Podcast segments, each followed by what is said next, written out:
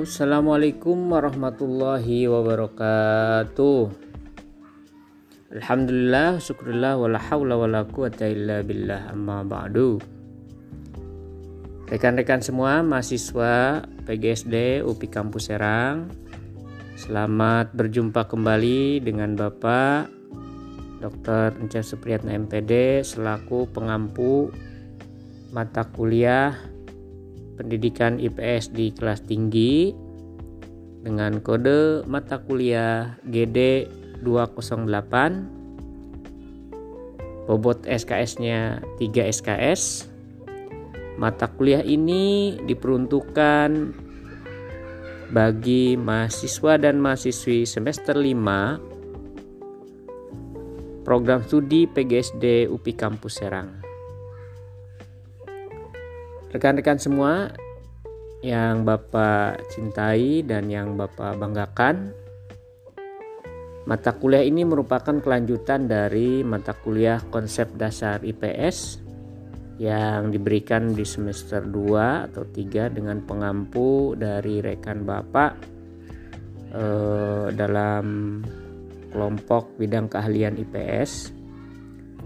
Eh, setelah mendapatkan mata kuliah pendidikan IPS di kelas tinggi ini diharapkan mahasiswa mengetahui, memahami terkait dengan jati diri IPS, hakikat IPS, serta materi IPS itu sendiri untuk kelas tinggi di sekolah dasar yang biasanya disajikan pada kurikulum 2013 secara tematik integrated sesuai dengan karakteristik IPS yaitu pembelajaran IPS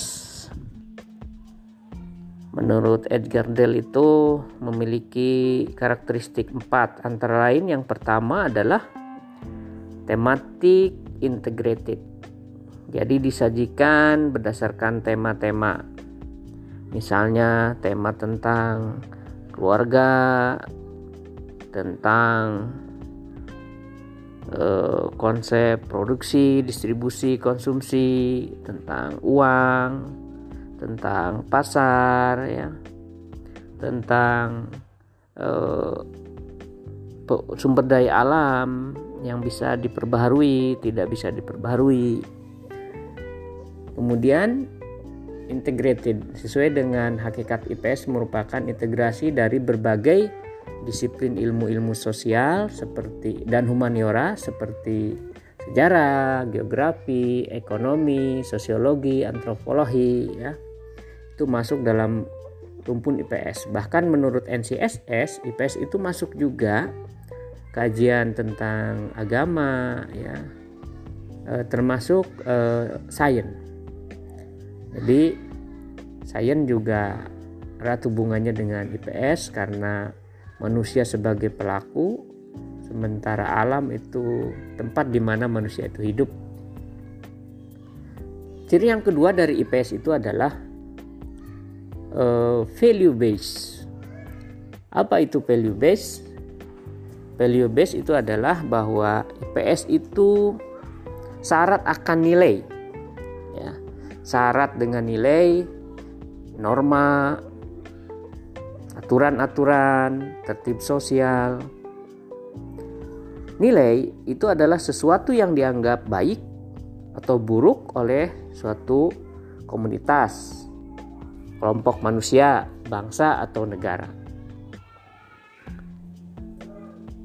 Jadi, IPS syarat akan nilai. Yang ketiga, IPS juga sangat menantang bagi siapa saja yang ingin belajar IPS.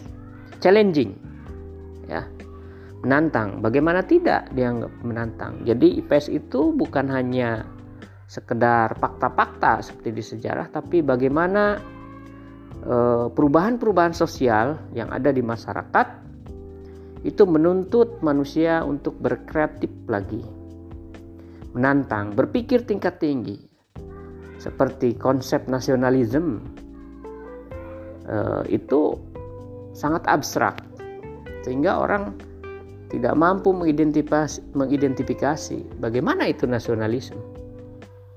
Hanya orang-orang yang bisa berpikir kritis, berpikir kreatif, yang tahu tentang konsep nasionalisme, indikatornya dalam kehidupan sehari-hari.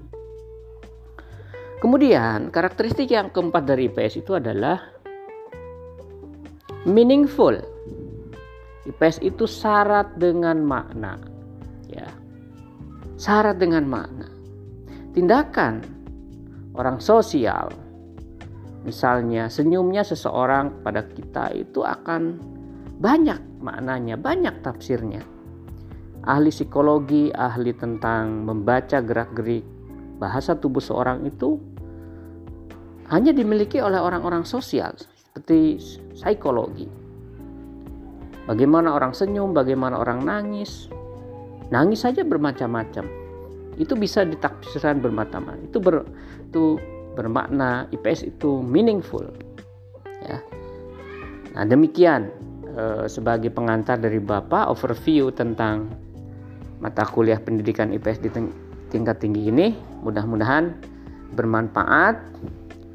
Eh, nanti minggu depan Bapak akan jelaskan